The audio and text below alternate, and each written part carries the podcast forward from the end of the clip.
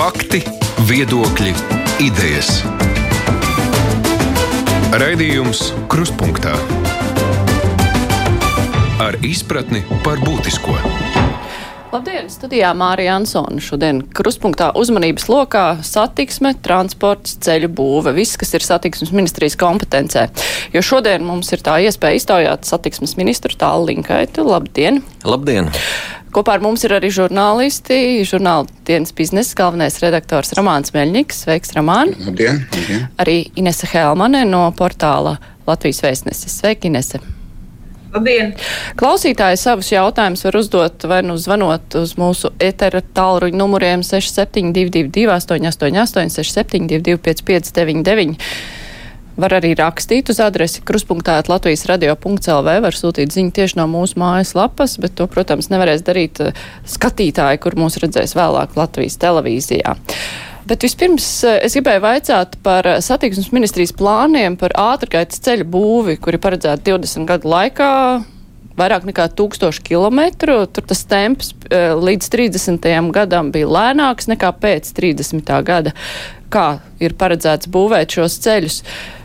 Kur tam ņems naudu? Un vai jau nākamā gada budžetā ir paredzēts eh, kaut kāds finansējums, nu kaut ko sākt būvēt, jo tas temps, kas ir līdz 30. gadam, ir eh, apmēram 5 vai 6 reizes mazāks nekā vai trīsreiz mazāks nekā tas, kas būs pēc tam šī 20 gadu posma noslēgumā. Kāds ir tas plāns, kur ņemt tos miljārdus, kas tam būs nepieciešami? Jāsaka, ka katrai Eiropas Savienības dalību valstī ir tāds ilgtermiņa redzējums, kā mēs vēlamies veidot savu ceļu tīklu. Un, ja mēs pabraucam pa mūsu kaimiņu valstīm, Lietuvu, Poliju, tad mēs redzam, ka pēdējos 10, 15 gados ir notikušas būtiskas pārmaiņas tieši ceļu infrastruktūrā. Mēs Latvijā, diemžēl, esam aizkavējušies par šo vienu programmēšanas periodu, un tomēr labāk vēlāk kā nemaz mēs esam izlēmuši izveidot tādu kopīgu redzējumu Latvijā, kādam būtu jāizskatās mūsu ceļu tīklam. Tajā ir ne tikai galvenie ceļi, bet arī reģionālie un vietējie ceļi. Bet, ja runājam tieši par galvenajiem ceļiem, tad gan mūsu kaimiņu valstīs, Lietuvā un Igaunijā, ir ne tikai plāni, bet jau tiek īstenot plāni šo galveno ceļu pārveidošanai par par ātrākas braukšanas, labākas kvalitātes ceļiem, tā es to varētu nosaukt. Gan arī mēs, analizējot jau esošās plūsmas, eh, intensitāti uz esošajiem galvenajiem ceļiem, secinājām, ka to kapacitāte faktiski ir jau izsmelta. Un tādēļ uh, tika izveidots šis uh, plāns daļā no galvenajiem ceļiem uzlabot ceļu kvalitāti pārveidot šos ceļus par 2 plus 2 joslu ceļiem ar maksimālo braukšanas ātrumu 130 km/h un attiecīgiem papildu ceļiem un, un divu līmeņu šķērsojumiem, lai braukšana būtu pietiekami ātra, droša un arī uh, samazinātu CO2 izmešus. Un, um, tas nav tikai tāds redzējums, 20 gadiem kaut kas nereāls. Um, pirmie uh, plāni uh, šo ceļu izbūvē sāksies ar Rīgu, Rīgas aglomerāciju, kur Rīgas apveceļam jau notiek ietekmes uz vidi novērtējums, lai uh, Rīgas apveceļu abās Daugaus uh, pusēs uh, pārveidot par šo te ātrgaitas uh, ceļu. Un tāpat mēs esam sākuši arī izvērtējumu jauna ceļa būvei no skultes uz mangažiem. Bet nu, pagaidām ir izvērtējums, tas droši vien ir tā lētākā daļa, bet droši vien, ka ir kaut kādas doma, nu, kur finansējumu tam rast, jo tur ir vajadzīgs milzīgs finansējums, ja ir tādi plāni vai. Mēs apzināmies, ka šie ātrgaitas, jeb ātrākas nozīmes ceļi netiks būvēti par valsts budžeta finansējumu. Tur tiks piesaistīti vai no Eiropas Savienības fondu līdzekļi vai publiskās privātās partnerības līdzekļi. Un konkrēti, piemēram, Rīgas apveceļā tiks izmantoti kohēzijas fonda līdzekļi. Savukārt Rīgas apveceļu abus krastus savienojošais jaunais Daugavs šķērsojums divu līmeņu tilts, kur vienā līmenī būs Rail Baltica dzelzceļa infrastruktūra, un otrā līmenī būs šis te ātrgaitas autoceļš. Tā, tas tiks finansēts par militārās mobilitātes līdzekļiem. Kas attiecās uz publisko-privāto partnerību, tad mēs tā paredzam, ka iecavas Bauskas virziena ceļš varētu tikt būvēts kā publiskā-privātā partnerība. Tas nozīmē maksas ceļš pēc tam? Tas nozīmē, ka valsts par šo ceļa izmantošanu pēc tam maksā ar pieejamības maksājumu. Valsts maksā. Valsts maksā. Latvijā maksas ceļi kā tādi nav iespējami. Mm -hmm. Kolēģi, Ines? Jā, valdības sēdē jau iezīmējās. Tā kā argumenti, kāpēc tiek viss solis vienā groziņā attīstīs valsts autoceļu tīklus, ja reģionālie un vietējie ceļi ir sliktā stāvoklī. Es paskatījos ministrijas datus. Tur reģionālajie ceļi apmēram 40-50% ir sliktā vai sabrukušā stāvoklī. Kāpēc jūs nu, kā pametat novārtā tos reģionālos nozīmes ceļus, bet visu liekat uz valsts autoceļiem? Kā jau teicu, šis redzējums par uh, Latvijas uh, valsts ceļu sistēmu līdz 2040. gadam ietver ne tikai ātrgaitas ceļus un vispār galvenos ceļus, bet arī uh, reģionālo un vietējo ceļu uh, būtisku uzlabošanu. Uh, secīgi mēs uh, satiksmes ministrijā jau esam sagatavojuši reģionālo ceļu attīstības programmu līdz 2027. gadam. Šonedēļ sākās pirmās uh, publiskās apspriešanas šim uh, projektam un ceram, ka līdz uh, rudenim iepazīstināsim sabiedrību arī ar reģionālo ceļu attīstības programmu. Es pacelšu klausu. Halo! Labdien! Labdien! Gribās jau pajautāt ministru kungam, kā tas tā nākās. Pagājušajā gadā Māpils Sigulda virzienā jauns asfalts Māpils Rīga jauns asfalts, kāds gabals Māpils ķēgums jauns asfalts, uztiku virsmas apstrādes, joprojām stāv zīmes 50, nekur braukt nevar. Policija sēž pa kaktiem, vaktē. Katru rītu jāceļās agrāk, lai tiktu uz darbu. Kurš par to maksās? Pagājušā gada nogalē vairāk ceļu posmi, kas tika būvēti ar šo dubultās virsmas segumu, ir uzbūvēti nekvalitatīvi. Attiecīgi šajā gadā būvniekiem par saviem līdzekļiem visi šie posmi ir jāsalabo, un es domāju, ka tuvākā mēneša laikā tas tiks izdarīts. Tātad solījums ir līdz jūlija beigām to izdarīt. -hmm. Kolēģi, Ramāna? Jā, ir ļoti labi, ka ceļš būvē. Labi, ka būs Rīgas apceļš normālā stāvoklī. Ja tā ir tiešām problēma, īpaši dažādu kravu pārvadātājiem.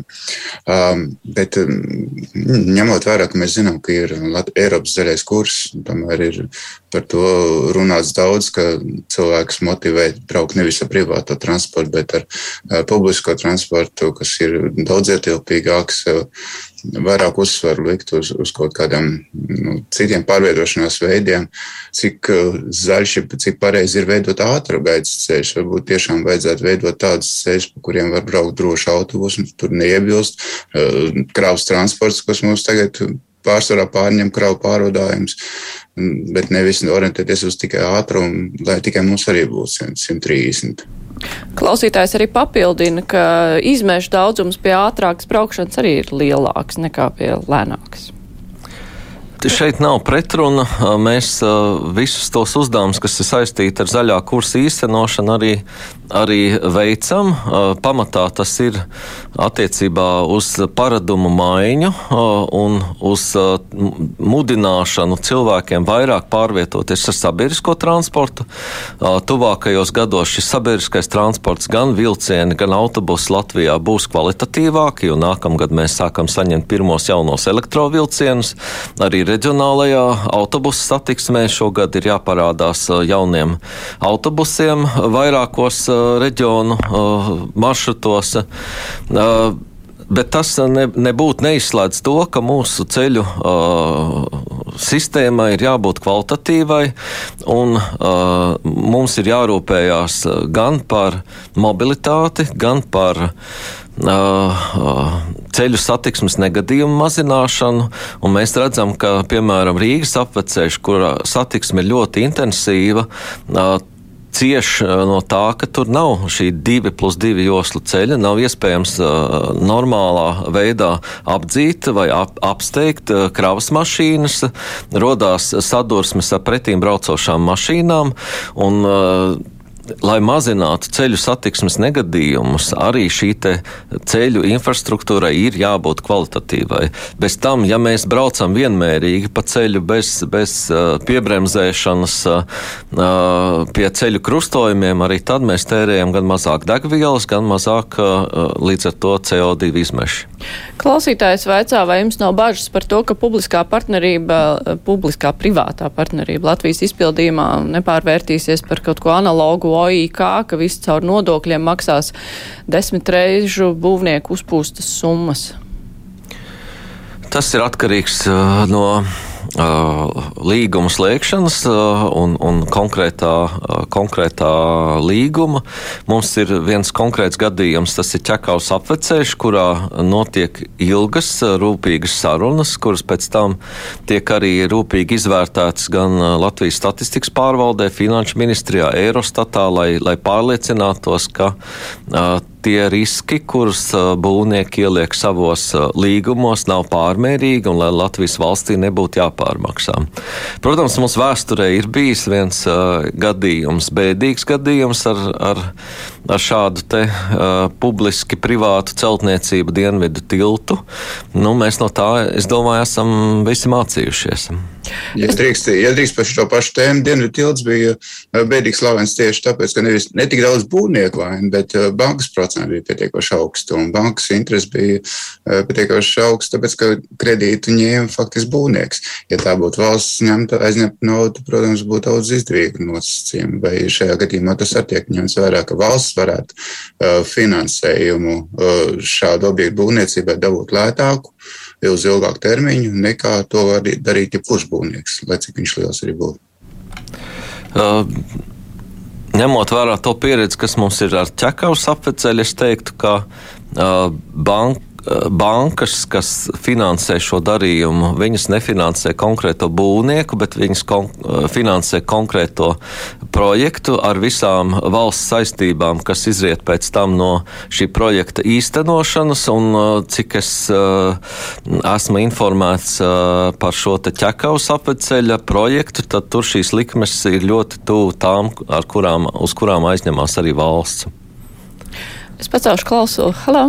Labdien! Labdien. Sakiet, lūdzu, vai nevar par e, ceļu būvi izsludināt startautisku konkursu, ja jau mums ir ceļiem tik slikta kvalitāte? Pat bailes iedomāties, cik miljardi ir iztērēts par neatkarības laiku ceļu remontiem un ceļu būvei. Ceļu miljonāri ir, bet ceļu nav. Paldies! Klausītājs arī prasa, vai jūs esat redzējis asfalta atšķirības starp, ar, ar Latvijas, nu, ar kaimiņiem Latvijas, Lietuvu un Igauniju? Paldies par jautājumu. Šis vairāk ir jautājums par pasūtītāji, par pasūtītāju prasībām, un, un pēdējos gados, manuprāt, Latvijas valsts ceļi izvirza ļoti stingras prasības būvniekiem gan par ceļu, uzbūvēto ceļu kvalitāti, gan arī par garantijām, kas, kas būvniekam ir jāsniedz. Līdz ar to, ja jūs braucat, piemēram, pa vidzemes šoseju sēnīti līdz sēnītei, kas ir pēdējais uzbūvētais ceļu posms, vai tepat jūrmālas šosejā, tad jūs varat pārliecināties, kāda ir galveno ceļu kvalitāte pēdējos gados. Es piekrītu, ka iepriekš tās kvalitātes prasības varēja būt labākas. Kolēģi Ines? Jā, es saprotu, ka īsti nav naudas, lai visus ceļus sakārtot, jo tur pēc ministrijas statistikas datiem tur bija kaut kādi, nezinu, miljardi, miljardi jāiegulda. Līdz ar to ir jautājums par reģionāliem valsts ceļiem. Mm, jau ilgstoši iet runas ar pašvaldībām par to, ka būtu jāpārskata vietējo ceļu piedarības jautājums. Es saprotu, ka to tagad arī risinās, izstrādājot valsts reģionālo ceļu to plānu, vai jau ir zināms, vai kaut kādas sarunas jau notiek ar pašvaldībām, ko, kurus ceļus pašvaldības varētu pašas pārņemt? Jā, tātad Latvijas valsts ceļi ir veikuši visu ceļu inventarizāciju un ir um, zināmi apmēram 8000 km ceļi, kurus Latvijas valsts ceļi vēlētos nodot pašvaldību īpašumā. Mēs esam ieplānojuši pēc tam, kad jaunās pašvaldības būs sevi apzinājušas un, un, un savu saimniecību izpratušas, beigt tādu tā kā ceļojumu pa Latvijas pašvaldībām, tiekoties ar visu pašvaldību jaunajiem vadītājiem un piedāvāt pārņemt šos ceļus pašvaldību īpašumā un vienoties arī ar pašvaldībām, kuri ceļi no vietējo ceļu klāsta būtu prioritāri sakārtojami. Tas ir process tuvākajiem gadiem. Bet tas būs atkarīgs no pašvaldību vēlmēm. Jā, mēs arī apzināmies, ka, protams, tas ir tāds zināms tirgošanās objekts. Mēs esam gatavi dot līdzi ceļiem arī finansējumu - 1560 eiro par kilometru gadā, mērķa dotāciju. Lai šos ceļus uzturētu, ir pašvaldības, kuras atzīst, ka tas ir pietiekami interesants piedāvājums. Nu, ar tām arī sāksim sarunas. Kolēģi? Jā, varētu varbūt pamainīt ceļus uz dzelzceļiem. Kādreiz dzelzceļš bija jā, tik uzturēts no pakalpojumu eksporta, šobrīd aizvien vairāk ejam uz to, kas ir ierasts Eiropā, uz to, kā apmaksā pasažieri vai, vai valsts dotē caur pasažieru pārvadēm dotāciju. Vai tomēr tiek domāts par to, kādā veidā nu, atbrīvot privātpersonas, kas brauc ar vilcienu no, no visas dzelzceļa tīkla dotēšanas, vai nodokļu maksātājus atbrīvot no tā, ka jādotē ir no budžeta dzelzceļa. Kā veicināt, lai atkal krāvas to finansētu? Mēs no padomu laikiem esam mantojuši diezgan plašu dzelzceļa infrastruktūru, kas bija izveidota pavisam citam krāvu apjomam, tieši dzelzceļa pārvadājumiem. Šobrīd situācija ir mainījusies, un, protams, ka mēs nu, tā sacīt, optimizējam visus izdevumus, kas ir saistīti ar dzelzceļa infrastruktūras uzturēšanu. Tā pašā laikā mēs esam apņēmības pilni šo infrastruktūru saglabāt labā kvalitātē, uzturēt, un tas arī kaut ko maksā. Līdz ar to mēs tāpat kā visas citas Eiropas Savienības uh, valstis uh, sniedzam dotāciju, jeb nodrošinām tā saukto finanšu līdzsvaru, lai dzelzceļa infrastruktūra uh, tiktu uzturēta kvalitāte, labā kvalitātē.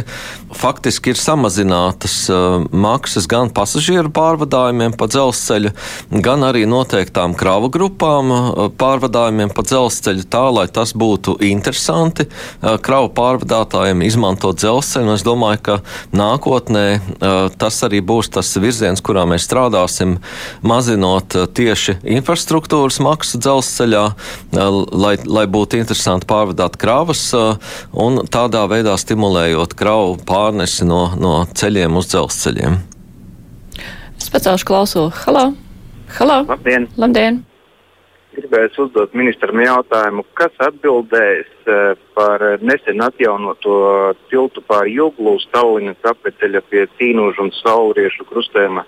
Ja tuvākajā laikā tiks eh, veikta pārbūve un eh, izbūvēts četru joslu ceļš, lai atslogotu to Maskavas pagriezienu, jo tur ir nenormāli sastrēgumi gan Tallinas virzienā, gan uh, Tīnūžu virzienā. Un, kas atbildēs par to, ja tiks remontēts tilts, remontēts tilts uh, un paplašināts. Paldies par jautājumu. Es noskaidrošu par šo konkrēto tiltu, kā, kāda tur ir situācija. Bet kopumā mums, protams, ir jāuztur tā infrastruktūra, kas mums pašlaik arī Rīgas apveceļa mm, zonā ir nepieciešama līdz laikam, kamēr tiek izbūvēta jaunā infrastruktūra. Un līdz tam vēl paies nu, gadi 4-5. Klausītāji vaicā, nu, saistībā ar ceļu būvi ir jautājums par eh, atgaitas ceļiem un dzīvnieku migrāciju, vai tās, vai būs kaut kāda pārvada, kas to organizēs, tā kā Rietuma Eiropā, un eh, arī par eh, šo te ceļu būvi, tikai par cilvēku pārvietošanos, kad Latvijas iedzīvotāji varēs droši pārvietoties visā Latvijas teritorijā kājām un ar velospēdu, jo pārvietoties pa šoseis malu nav droši. Teiksim, vai par šiem visiem aspektiem tur arī tiks domāts? Jā, šie jaunie ātrākas, ātrākas kustības ceļi, viņi ietver, kā jau minēju, gan divu līmeņu šķērsojumus, gan arī visus tos elementus, ko mēs Eiropā esam redzējuši ātrgaitas ceļiem. Tātad gan dzīvnieku šķērsojumi, gan arī speciāli sabiedriskā transporta gājēji velo ceļi atsevišķi nost no pamata, pamata brauktuves, jo tiešām tur, kur kustība notiek ātrāk par 110 km/h, tur uh, nevar braukt ar velo, ar velosipēdiem. Kolēģi Inese?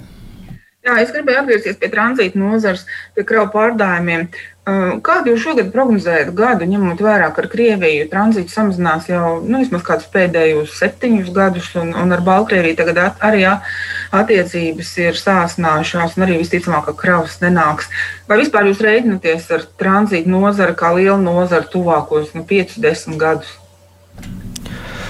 Uh, ņemot vērā to ģeopolitisko situāciju, kāda ir mūsu kaimiņu valstīs, uh, mēs gada sākumā prognozējām, ka kravu apjomi varētu saglabāties pagājušajā gada līmenī, bet pēc notikumiem Baltkrievijā, kas, noti, kas bija saistīti ar Ryanair lidmašīnas incidentu mēs prognozējam, ka kravu apjomu no Baltkrievijas varētu samazināties, un tas ietekmēs, protams, arī visu kopējo tranzīta kravu plūsmu cauri Latvijai.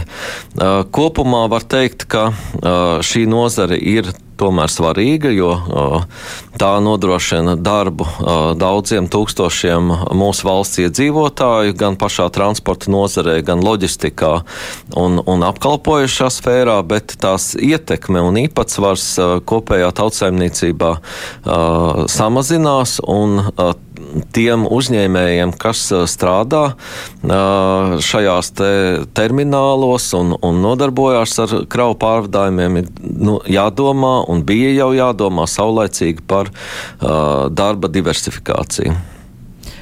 Kolēģi? Jā, es varētu mazliet par pārmaiņām pasūtījumos ar 1. jūliju eh, tiek ieviesta visā Eiropas Savienībā sistēma, ka tiek aplikta ar nodokļiem no pirmā, pie pirmā centu um, sūtījumi. Daudzas valstis ir tam īpaši iepriekš gatavojušās, veidojot um, atmuitošanas noliktavas. Mēs zinām, ka tiksim, tiem pašiem Ķīnas um, precēm daudzām uh, ir iespējams pasūtīt, ka viņas piegādā no Eiropas Savienības, no Polijas, no Čehijas, Vācijas, Spānijas. Um, Tātad valstis iegūst to uh, pakalpojumu sniegšanu, valsts iegūst to atmuitošanu, tātad arī nodokli. Ko Latvija ir darījusi, lai šādu pakalpojumu mēs varētu sniegt šeit, un tātad attiecīgi valsts iegūtu papildu finansējumu, darbietas un tā tālāk.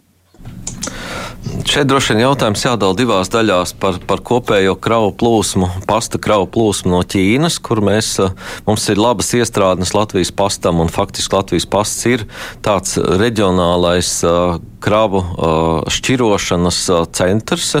Mums Rīgas lidostā ļoti regulāri nosēžās lidmašīnas, kravas lidmašīnas no Ķīnas, kas piegādā uh, sūtījumus uh, uz uh, Ziemeļa Eiropu un šo Eiropas daļu, tad viņas Latvijas pasas sašķiro un nogādā uz mūsu kaimiņu valstīm. Tur, tur šis darbs notiek. Savukārt attiecībā par izmaiņām no 1. jūlija klausītājiem jāsaprot, ka tās izmaiņas ir visā Eiropas Savienībā un šeit es aicinu aicināta nevainot Latvijas pasta darbiniekus vai Latvijas valsti par tām nērtībām, kas, kas būs uh, atmuitojot un, un maksājot muitas uh, nodevas uh, par uh, pasta sūtījumiem no uh, tā sauktējām trešajām valstīm. Latvijas pasts ir strādājis gan pie aplikācijas, kas, kas palīdz šos maksājumus veikt, gan arī palīdzēs cilvēkiem, kuri pirmo reizi ar to saskarās, arī pasta nodaļās izstāstīs, kā, kā šī, šis process notiks. Bet Romāns vaicāja par to, kur, par valstīm, kuras ir izmantojušas šīs pārmaiņas un izveidojušas centrus, kuras, kuros tās preces nonāk vispirms un tā valsts saņem nodokļus par to. Jā, mēs jau par to esam saulaicīgi parūpējušies. Kā jau es teicu, tas ir nu, jau vairākus gadus Latvijas pasts ir tas kravu saņēmējs tieši uh, šai Eiropas Savienības daļai. Un mēs tieši Latvijas pasts no Baltijas pastiem ir tas, kurš nodarbojas ar šo kravu saņemšanu un šķirošanu. Es atvainojos, es papildināšu, ja piemēram Čehijā cilvēks pasūta te pašā Ķīnā preci, preci, kas tiek piegādāta uz noliktavu Čehijā, jau ir atmuitota, un viņš aiziet paņem nopērk kā vietējo. Jo tā Čeh, kompānijai ir Čehijā bāze noliktava, kur viņi atmuito visas preces. Runa par to, vai tiešām nu, Latvija ir centusies panākt to, lai, lai šis process notiktu tāds, nu, nu tiešām valsts iegūtu tos nodokļus, sniegt atmuitošanas pakalpojumu, lai tam cilvēkam arī mazāk ņēmās viena lieta, bet otra lieta, lai uz Lietuvu, Igauniju jau sūtītu jau atmuitotas preces preces. Es mēģināšu vēlreiz izstāstīt. Tātad arī līdz šim Latvijas pasts ir tieši tas uzņēmums, kurš ir specializējies šāda veida pasta sūtījumos. Ir noslēgts ilgtermiņa līgums ar lielo Ķīnas pasūtījumu ķēdi Alibaba, un visi šie sūtījumi nonāk Latvijā un pēc tam tiek, tiek sašķiroti un sūtīti tālāk uz citām Eiropas Savienības valstīm. Protams, kur viņi tiek atmuitot? Es jaujos, ka ir kur, arī kāda. Kur tiek atmuitot, precizēt gribēja romāns. Jā, nu, droši vien, ka tas ir kāda privāta iniciatīva, kādā veidā vēl, vēl loģiskāk izveidot sūtījumu ķēdes. Ja tādas ir, tad mēs arī no satiksmes ministrijas puses esam gatavi tādas iniciatīvas atbalstīt. Ramāna, tev ir ko papildināt? Ne, nu, ja tā prece tālāk tiek aizsūtīta uz, uz citām valstīm, tad mēs neiegūstam tos nodokļus. Jautājums par nodokļiem. Ja mēs atmuitojam šeit un sūtām uz Eiropas Savienības citām valstīm, tas preces tālāk jau atmuitots, jau var pievienot to summu, kas ir muitas izmaksas, vai mēs vienkārši aizsūtām tālāk, viņi atmuito savās pasnodaļas. Jā, nu, ja es saku, ja, ja uh, ir tādas privātas iniciatīvas, kas, kas uh, ir gatavas attīstīt kādu loģistikas uh, pakalpojumu Latvijā, mēs no savas puses esam gatavi to atbalstīt. Jā, klausītājs savukārt interesējās par internetu pārklājumu Latvijas laukos vai satiksmes ministrijas spēju ietekmēt operatoru kompānijas. Ļoti sensitīvs jautājums, jo mums Latvijā darbojās vairāki privātie pakalpojumu sniedzēji, kas ļoti seko līdzi, lai valsts neiejaucās viņu ikdienas konkurences sacensībā, līdz ar to valsts kontrolē sakaru kvalitāti, tā skaitā interneta sakaru kvalitāti, bet tieši pati iejaukties ar, ar kādu interneta uh, pakalpojumu sniegšanu valsts nevar. Tas, ko valsts līdz šim ir darījusi, ir izbūvējusi optiskos kabeļus uh, tajās vietās, kur ir maz pakalpojumu sniedzēji, lauku teritorijās un tās augtajās baltajās teritorijās, uh, kur, uh, kur ir atzīts, ka ir zema operatoru interese, un pēc tam šie optiskie kabeļi tiek piedāvāti uh, mobīlo sakaru operatoriem pieslēgties un veidot savus sakaru torņus. Tālākais ir pašu mobilo operatoru darbs. Kolēģi Inese? Jā, man, man vēl viens cits jautājums. Jūs uh, bijāt institūts ideja, ka vajag atvērt autoceļu uzturēšanas tirgu. Es skatījos, ka konkurss, nu tā, tā kā tas iepirkums ir noslēdzies 31. maijā, tad gribēju zināt, cik kā tur ir pretendenti un kad būs rezultāti. Um, pieteikuma iesniegšanas termiņš, ja es pareizi esmu informēts, ir pagarināts. Līdz ar to tur vēl nevar uh, pateikt, vai, vai ir kāda pretendenta. Es pieņemu, ka interese būs. Uh, valsts uh, interese ir noskaidrot uh, šī ceļu uzturēšanas pakalpojuma faktiskās patiesās uh, izmaksas, tātad kāda ir cena, un uh, arī pārliecināties, vai tas pakalpojums, ko mēs saņemam, ir ir atbilstoši tirgus situācijai. Mēs redzam no citiem pakalpojumu konkursiem šādiem lielajās pilsētās, ka līdz šim cenas ir bijušas par 15% vidēji zemākas nekā tas ir bijis valsts pasūtījumos. Bet kāda tad būs, nu, kad mēs varēsim uzzināt, kāda tas konkurss būs beidzies? Kad varēs uzzināt, kad tas konkurss būs beidzies? Uh, process ir caurspīdīgs, un tāpēc uh, tiklīdz būs uh, zināmi gan, gan mm, pieteicēji, gan arī uh, uh, konkursa rezultāti, tad Latvijas valsts ceļi par to informēs. Es domāju, ka tas ir šīs vasaras jautājums. Mhm. Es jau pacēlu klausulu, ceru, ka klausītājs nepazuda. Halo, dzirdat mūs? Jā, jā, dzirdat. Jā, lūdzu, jūs jautājums. Es gribēju ministru kungam paprasīt jautājumu, kad beigs diskriminēt pensionārus, kur gadā nobrauc 500 km. Pagājušā gadā, piemēram, iepriekšējos 5 gados apmēram 2000. Es maksāju tādu pat nodokli, kā tie, kas nobrauc 2000. Ceļš ir kūpošs, līdz aptiekai ir jātiek. Autobusi iet vienreiz dienā, vienā virzienā tikai. Un tādu pensionāri ir tūkstošiem Latvijā, kur maksā tādas pašas nodokļus, nepiesārņo gaišs, nobraucot pār tūkstošu kilometru vai vēl stingri mazāk, kuriem pensijas ir 300, mazliet vairāk par 300. Viņi nemaz nevar atļauties nobraukt 10 tūkstoši vai vairāk kilometrus, bet viņi maksā sistemātiski tādu pašu nodokli kā tie, kas brauc desmitiem tūkstošu kilometrus gadā. Nu jā, tur īsti tāda. Uh racionāla risinājuma nav. Eh, es zinu, ka ir cilvēki, kas eh, tajos eh, laika periodos, kad viņi neizmanto mašīnu, to noņem no uzskaitas un pēc tam atkal uzliek atpakaļ un, un par šo periodu nemaksā uh, transporta līdzekļu eksploatācijas nodokli.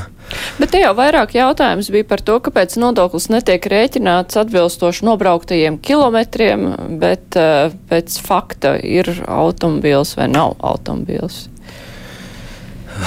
Nu, nodokļu politika īsti nav satiksmes ministrijas uh, jautājums, bet cik es saprotu, tad, uh, tad piemēram, šis transporta līdzekļu eksploatācijas nodoklis ir pēdējā laikā pārveidots par tādu kā vides nodokli, kur uh, to nodokļu summu rēķina tieši no uh, CO2 izmešu apjoma. Nu jā, un klausītājs auto. arī min, ka viņš nepiesārņo, jo viņš brauc 500 km, kamēr maksā tādu pašu nodokli kā tas, kurš brauc uh, 10 tūkstoši km, lai gan viņš ir piesārņojis daudz mazāk. Tā kā tas faktors ar laikam nestrādā. Jā, nu, ja, ja var izdomāt kā, kādu sistēmu, kā katrai automašīnai individuāli šo nodokli maksāt atbilstoši pēc dažādiem tādiem parametriem pēc nobraukuma, tad, tad uh, mēs arī esam gatavi to uzklausīt. Ja.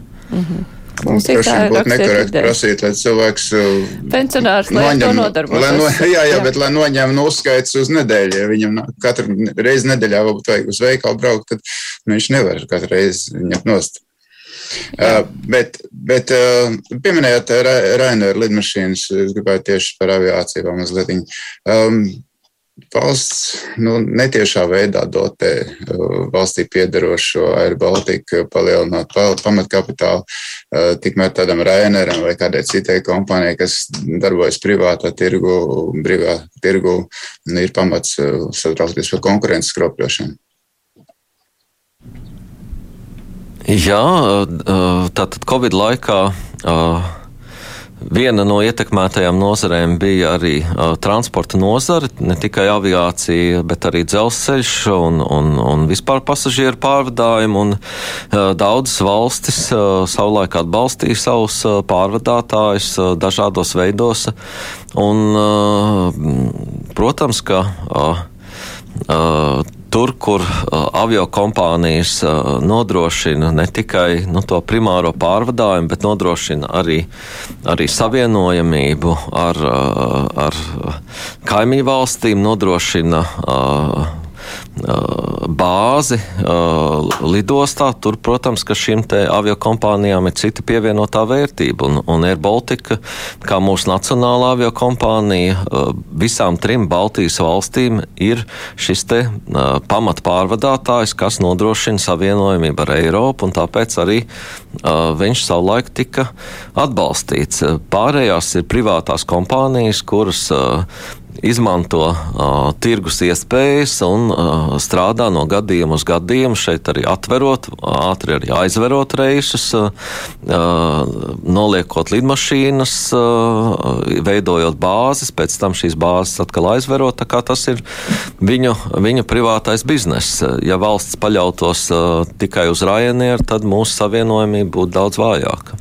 Varbūt vispār vajag pāriet uz to, ka privāti vispār nav tikai valsts rūpējas par visu kaut ko, par ceļiem, par aviāciju, par pastu un atpakaļ sacelsmi. Jā, un mēs redzam, ka krīzes situācijās tieši aviācijā uh, valstis ir tās, kuras uh, atbalsta savus nacionālos pārvadātājus. To mēs varam teikt gan par Air France, SAS, KLM, Alitālija un visām pārējām aviokompānijām. Kolēģi Inese? Jā, es te jau par pārādājumiem, es gribēju par Covid pasu. Jūs arī ilg, nu, vairākas nedēļas pēc kārtas sakat, ka vajadzētu atcelt to Covid pasu. Sevišķi, ka 1. jūlijā tas ir rīt sāk darboties Eiropas digitālais zaļais certifikāts, vai valdība to varētu izdarīt tuvākajā laikā, jo, manuprāt, tas ir dubultā un ar lieki. Jā, mēs no satiksmes ministrijas uh, vairāk kārt esam uzrunājuši šo, šo jautājumu. Un, uh, faktiski tādas īsti dzirdīgas atbalsts nesam jutuši no, no iekšlietu ministrijas un no, no veselības ministrijas, kaut gan tajās tehniskajās sarunās veselības ministri ir apliecinājusi, ka Covid pasas informāciju īsti neizmanto savos epidemioloģiskos novērojumos, un arī iekšlietu ministrija šo Covid pasu informāciju izmanto tikai tad, ja ceļotāji ierodās no valstīm, no kurām tiek prasīta pašizolācija, bet tādā, tādā ministriju līmenī atbalstu tam nesam gūši, un līdz ar to joprojām ceļotājiem ir gan jāuzrāda šis te vakcinācijas vai pārslimošanas certifikāts, gan arī jāaizpilda ceļojot Covid pasu informāciju. Klausītāji uzreiz nāca klajā ar iniciatīvām saistībā ar nodokli, ka vajag darīt tā kā Lietuvā pie nodokli iekļaut degvielas cenām.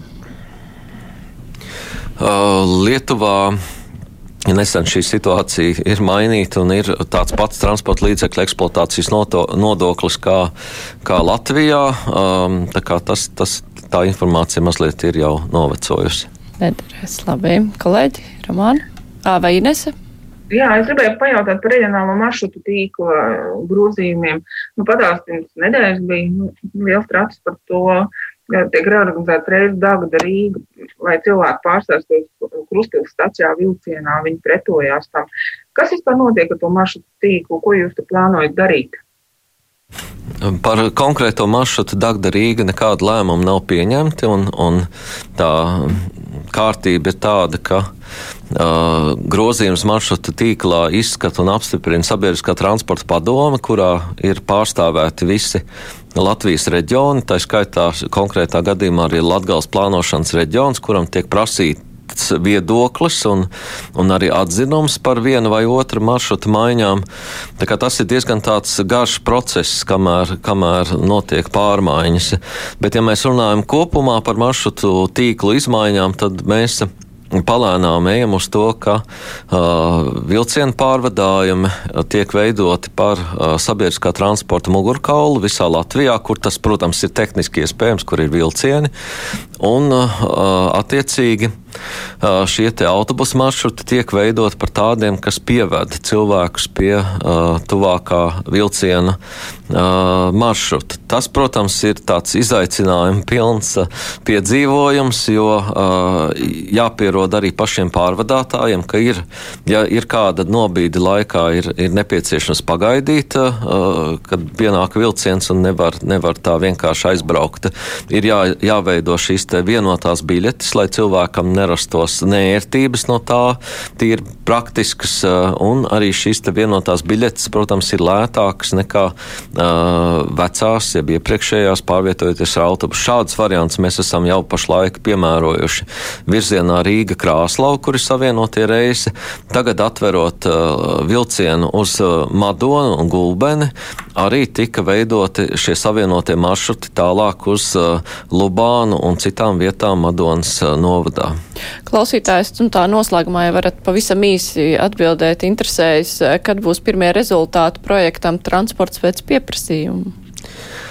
Transports pēc pieprasījuma bija tādi divi pilotu projekti Alūksnē un Valmieras rajonā, Masalacā. Rezultāti bija labi, bet tie bija Eiropas Savienības projekti, kuri beidzās. Pašlaik mēs gatavojam juridisko bāzi, lai šādus te transportu pēc pieprasījuma pašvaldības varētu veidot arī citos novados. Mm -hmm. Teikšu paldies satiksmes ministram Tālim Linkaitam, arī kolēģiem Romānam Meļņikam, žurnāla dienas biznesa galvenajam redaktoram un žurnālistē Inesē Helmanē no portāla Latvijas vēstnesis. Paldies, ka aicinājāt.